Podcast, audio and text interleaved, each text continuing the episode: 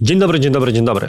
Witam Cię w kolejnym odcinku mojego programu konkretnie o marketingu i sprzedaży. I dzisiaj konkretnie porozmawiamy sobie o tym, czego nauczyłem się przez te wszystkie lata prowadzenia czy współpracy z biznesem, czyli takim najpotężniejszym narzędziu w repertuarze menadżera bądź dyrektora zespołu bądź też działu, którym są po prostu codzienne odprawy, codzienne spotkania. Przygotowałem odcinek, który skupia się na odprawach, spotkaniach działu handlowego, ale myślę, że niezależnie od tego, jaki typ biznesu prowadzisz, czy jaki typ zespołu prowadzisz, to mogą być dla Ciebie rady cenne, a być może nawet nie tylko w kontekście codziennych odpraw, ale spotkań w ogóle.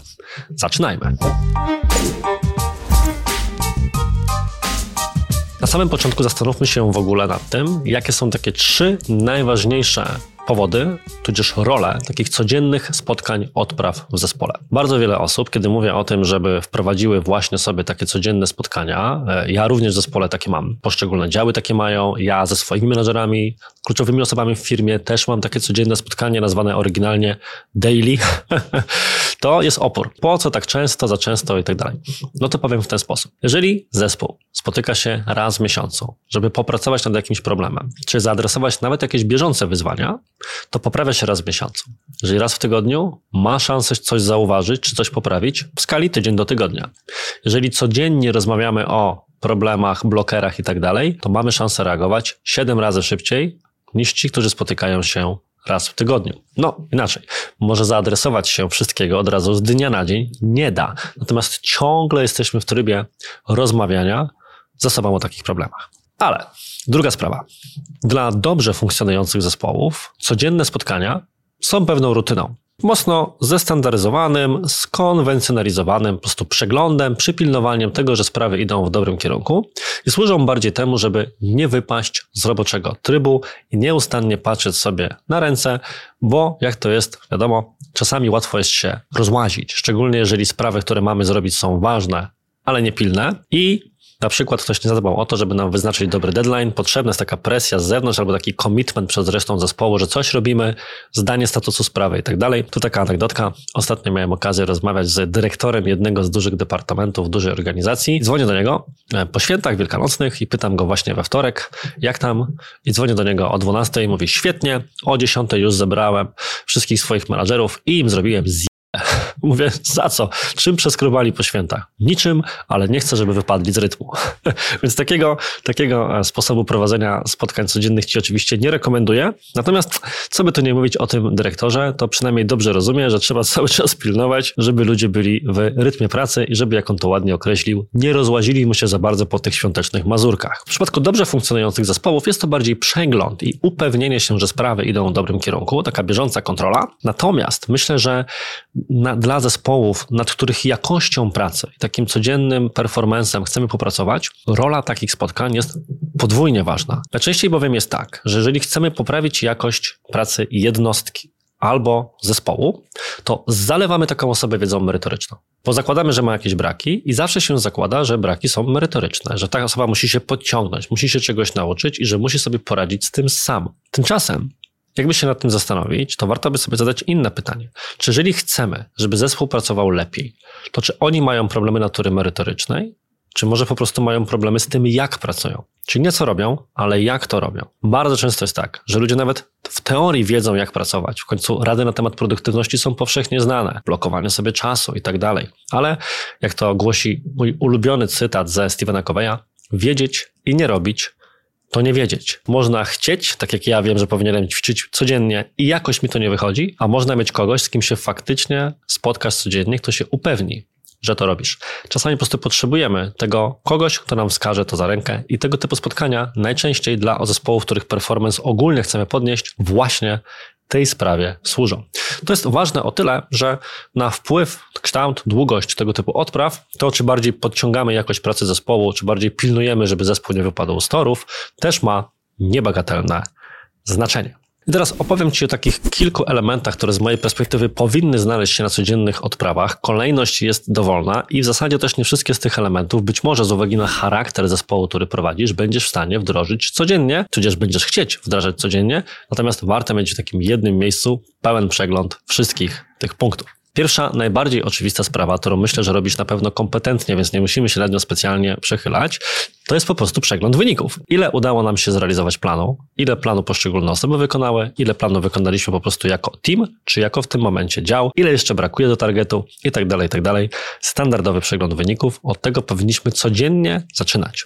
Natomiast co dalej? Dalej, taką myślę, że stałą rubryką i im częściej będzie się ją realizować, tym lepiej, to jest pochwalenie się. Przyłap kogoś na dobrej robocie i zachęć ludzi, żeby chwalili siebie nawzajem i dziękowali sobie za jakieś rzeczy. W teorii relacji jest coś takiego, że powinno być e, pięć interakcji pozytywnych z partnerem bądź partnerką do jednej negatywnej, żeby one się mniej więcej równoważyły, no bo te złe rzeczy zapamiętujemy częściej. I wiesz jak to jest. Być może sam masz taką technikę, albo znasz ludzi, którzy taką mają, że jak jest dobrze, to nic nie mówię. Jak jest źle, to im powiem, że jest źle. Więc ludzie trochę nie wiedzą, co się ceni, co się, co się nie ceni. Temat na zupełnie inną dyskusję. Tutaj gorąco Ci na przykład polecam taką serię odcinków, którą nagrałem z moją wspólniczką Agatą Banaszkiewicz, na przykład o roli i zachowaniach menedżerskich. Tam między innymi właśnie jest też o ekspoze szefa i takim codziennym chwaleniu. Bardzo ważne jest to, żeby przyłapać kogoś na dobrej robocie i właśnie na tej codziennej przestrzeni dać sobie chwilę na to, żeby komuś za coś podziękować. My generalnie staramy się to w zespołach wdrażać w taki sposób, żeby to ludzie chwalili się nawzajem. Ale umówmy się, jeżeli powiesz ludziom, dobrze, od dzisiaj stałym segmentem naszych spotkań będzie to, że na początku dziękujemy sobie za coś, co zrobiliśmy, albo chwalimy się za coś, co zrobiliśmy, i zrzucisz to od razu na zespół, to odpowiedzią będzie martwa cisza na takim spotkaniu. Bo ludzie trochę nie będą wiedzieli, jakiego kalibru rzeczy powinni wyciągać. No bo przeważnie jest tak, że ludzie chcieliby coś wyjątkowego, a na przykład ich praca jest 10 czy 20% lepsza niż standardowa, więc czym tu się chwalić? Generalnie wiele osób tego typu problemy ma. Na początek kluczowa rola jest twoja i nastaw się na to, że przez pierwszy tydzień bądź tygodnie to właśnie ty będziesz tą osobą, która powie Adam, dzisiaj dziękuję ci za to, e, Milan, fajnie zrobiłeś to i tamto, Przemek, świetnie zrobiłeś to i to, i to się będzie powtarzać. To kiedy, dopiero kiedy pokażesz, za co i w jaki sposób można podziękować czy pochwalić, to z czasem zespół zacznie się również otwierać na to, żeby to robić. I od razu buduje to świetną atmosferę i jak potem będziemy wskazywali jakieś błędy, to mieliśmy już chociaż chwilę tego pozytywnego kontekstu. I nie, nie jest to żadna metoda na kanapkę, nie o takie rzeczy w ogóle chodzi. Warto się codziennie w takiej pracy doceniać. Kolejny element to jest check tematów, tudzież przegląd tematów, które obecnie znajdują się w Twoim sprzedażowym lejku. Jeżeli jesteś tak jak ja, fanem tych wszystkich filmów, które mówią always be closing i tak dalej, i tacy, którzy mówią, że follow-upuj i ścigaj potencjalnego klienta do śmierci, to najwyższy czas, żeby się tego trochę oduczyć, ponieważ jest to tendencja, którą wielu handlowców ma. I potem jest tak, że przechodzimy sobie wspólnie na przykład przez CRM-a i okazuje się, że są tam tematy, które utknęły w takim, ja to nazywam sprzedażowym limbo, czyli gdzie są na przykład na trzecim z pięciu etapów procesu zakupowego, sprzedażowego tego konkretnego klienta. I jak się pytam, to okazuje się, że jest to po prostu ktoś, do kogo dany handlowiec dzwoni co trzy dni i ciągle słyszy, że już zaraz będzie decyzja, albo to jest osoba, która regularnie do nas wraca, z którą ciągle odbywamy ponowne spotkania, ponieważ zmieniły się jakieś założenia i tak dalej, i tak. I potem znowu jest głucha cisza i mija kilka tygodni bądź miesięcy i znów ten klient wraca i znów mówi, że no, troszkę się zmieniły założenia, spotkajmy się, znów się spotykasz i już wiesz, dokąd to zmierza. Zauważyłem, zauważyliśmy ja i moi konsultanci, że bardzo często jest właśnie tak, że handlowcy nieproporcjonalnie dużo spędzają czasu właśnie na tego typu spotkaniach. Może więc dobrym takim punktem codziennej odprawy jest to, że jeżeli przyjrzysz się tego typu lejkowi, to okaże się, że są takie tematy, które się przedłużają na czas realizacji wieczny nigdy. I wtedy jesteś w stanie wparować i powiedzieć, słuchajcie, ten temat oficjalnie zamykamy. I wysyłamy, że generalnie nie będziemy się już w tej sprawie kontaktować. A inną ciekawostką jest to, że bardzo często po takim kontakcie ze strony firmy do potencjalnego klienta typu z naszej strony temat z uwagi na brak odpowiedzi, tudzież inne powody uznajemy za zamknięty, to właśnie wtedy następował kontakt, po którym faktycznie udawało się takiego długo odkładanego deala realnie dopiąć. Kolejny ważny element plan na dziś. Dwa, trzy kluczowe zadania, które ktoś chce wykonać. I teraz bardzo ważna uwaga, dlaczego w ten sposób i jak do tego podejść. Otóż ludzie mają często aspekty, co jest zapędy, żeby zrobić milion rzeczy i większość osób nie doszacowuje czasu, który będzie miała realnie danego dnia na pracę. Bo tu się przyciągnie spotkanie, tu wpadnie nagła dzwonka z kimś, tu ktoś zada pytanie. Czyli ktoś planując rzeczy, które chce zrobić, planuje sobie 100% czasu, podczas gdy powinien planować góra 70. I to się kończy frustracją z powodu wiecznie niedokończonych zadań. A które zadania cierpią najczęściej? Na przykład różnego rodzaju zmiany w zespołach, inicjatywy wdrożeniowe, tematy ważne, bo człowiek najpierw siedzi nad tymi pilnymi. Widząc właśnie tendencję czyjąś do wiecznego przekładania i robienia takich rzeczy na później, albo tego, że ciągle nie zrobił czegoś, co miał zrobić, możesz reagować. Ktoś ci mówi, dzisiaj mam zamiar zrobić to, to, to, to, to, to, to i to, i ty z góry mówisz, nie. Wybierz trzy rzeczy z tych, zrobi się dziś, a te dwie z góry zaplanuj na jutro, ale jutro je faktycznie zrób. Czyli jesteś w stanie pomóc w tle tego, co mówiliśmy wcześniej, w organizacji takiej bieżącej pracy. I druga bardzo ważna uwaga, dzięki temu jesteś w stanie wychwytywać, czy osoby z twojego zespołu pracują nad rzeczami pilnymi, prostymi, czy też skupiają się na inicjatywach wdrożeniowych. Jest taki jeden z moich znajomych, często mówi, że są dwa tryby pracy, run the business, change the business, tak? Czyli praca w firmie, praca nad firmą, tak byśmy to nazwali. W kontekście zespołu, praca w zespole, wykonywanie zadań kontra praca nad zespołem, usprawnienia w dziale i tym podobne. I załóżmy na przykład, że jesteśmy w świecie handlowym, myślicie nad temat wprowadzenia narzędzi związanych ze sztuczną inteligencją, albo na przykład jakichś usprawniających pracę typu analiza ofert w takim narzędziu, które być może znasz, jak nie to polecam, Selizer, tudzież Selizer, bo tak to jest wpisane. I widzisz, że członkowie zespołu, którzy mieli, którzy mieli wspólnie spotkać się nad tym, przegadać temat, niezależnie od ciebie, wiecznie to odkładają, bo cały czas wykonują i planują sobie na dany dzień wyłącznie zadania bieżące. I to jest ten moment, żeby wejść, powiedzieć stop, panowie i panie, mamy jeszcze rzecz, którą mamy zmienić w zespole, potrzebujemy tę inicjatywę przejść, i na to znajdźmy czas. Ostatnia uwaga z tym wątkiem związana, to nad czym jeszcze musisz zapanować, no to nad liczbą osób w zespole i ten wątek wziąć pod uwagę. O ile możemy zrobić takie wspólne przejście kluczowych zadań, kiedy w zespole jest 4, góra 5 osób, o tyle jak będzie ich 8, 10 i więcej, nie wiem jak dużym zespołem akurat zarządzasz, to słuchanie po kolei codziennie zadań wszystkich na dany dzień jest najgorszą rzeczą, którą możesz sobie zrobić. Podobnie w przypadku zespołów, które już świetnie się rozumieją i są świetnie zgrane, też z czasem akurat ten komponent można sobie odpuścić. Natomiast to, co jest dobrą praktyką, to na przykład wrzucanie wtedy w jakiś swój komunikator, kanał na Slacku i tak dalej, tych trzech najważniejszych rzeczy, które ktoś chce zrobić, żeby tak czy owak zmusić każdego codziennie do myślenia nad własną priorytetyzacją.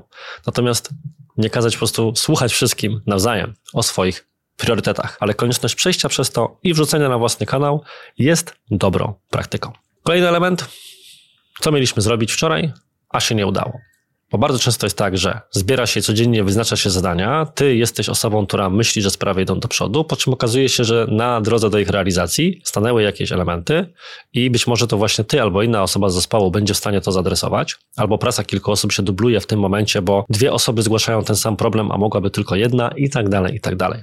Więc tak naprawdę główną de facto rolą od pewnego etapu tego typu spotkań jest właśnie adresowanie, co miało być zrobione a nie zostało zrobione, jaki jest bloker, który nie pozwala tego wykonać i co w związku z tym i kto możemy zrobić, żeby ten bloker usunąć. Prawdopodobnie z czasem, jeżeli wszystko będzie dobrze szło w zespole, to nad tym będziesz spędzać najwięcej czasu. I wreszcie ostatni punkt, punkty własne zespołu na agendzie.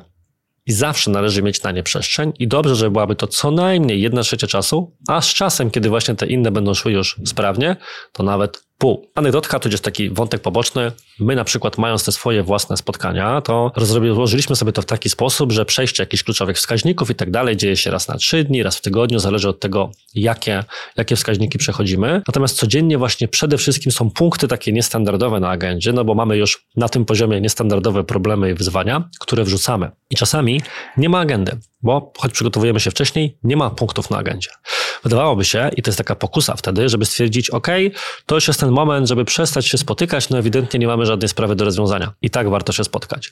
Powiem szczerze, że w perspektywie ostatniego roku chyba najważniejsze inicjatywy wdrożeniowe, czy jakieś zmiany, które wprowadzaliśmy, pojawiały się wtedy, kiedy przychodziliśmy na spotkanie teoretycznie źle zorganizowane, bo bez agendy, ale jest to właśnie takie nasze codzienna odprawa, takie nasze daily.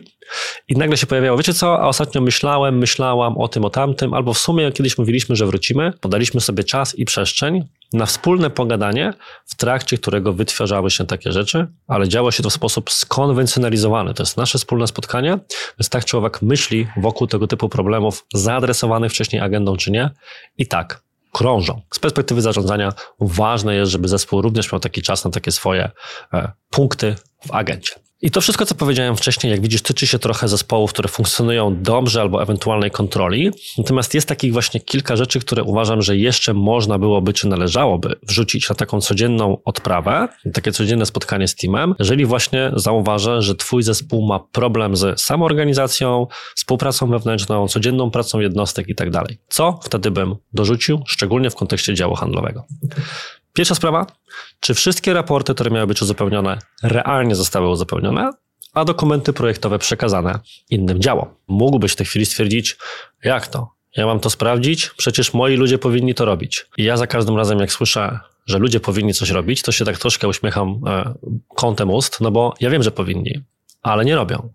I czasami nawet nie robią dlatego, że nie chcą ich robić, że po prostu chcą źle i mają złe zamiary w stosunku do swojej organizacji, tylko właśnie potrzebują kogoś, kto trochę stojąc nad nimi, zmusi ich do tego, żeby zaczęli to robić, aż wreszcie wejdzie im to w krew i w nawyk. I ten sam błąd adresowany 20 razy z rzędu wreszcie się zmieni. I to jest sposób, który można w ten sposób podejść, próbując poprawić jakość zespołu. Bo próba wiecznie wymiany po prostu jednego handlowca na innego, który będzie miał swoje nawyki, swoje braki i tak dalej, nie pomoże. W pewnym momencie nad zespołem trzeba po prostu pracować i go rozwijać i nad takimi błędami. Bardzo często jest bowiem tak, że w działach handlowych właśnie sprzedawca sprzedaje, ale ma problemy na tym poziomie typu raporty, dokumentacja projektowa i tak dalej. I na to wiele osób przymyka oko, no bo przecież przynosi nowy biznes, a to powoduje frustrację innych działów z takim działem współpracujących. Tutaj taki przykład, zresztą z mojego własnego podwórka. Mieliśmy kiedyś w firmie właśnie taki problem, że był e, handlowiec, który sobie doskonale radził, jeżeli chodzi o przeprowadzanie nowego biznesu.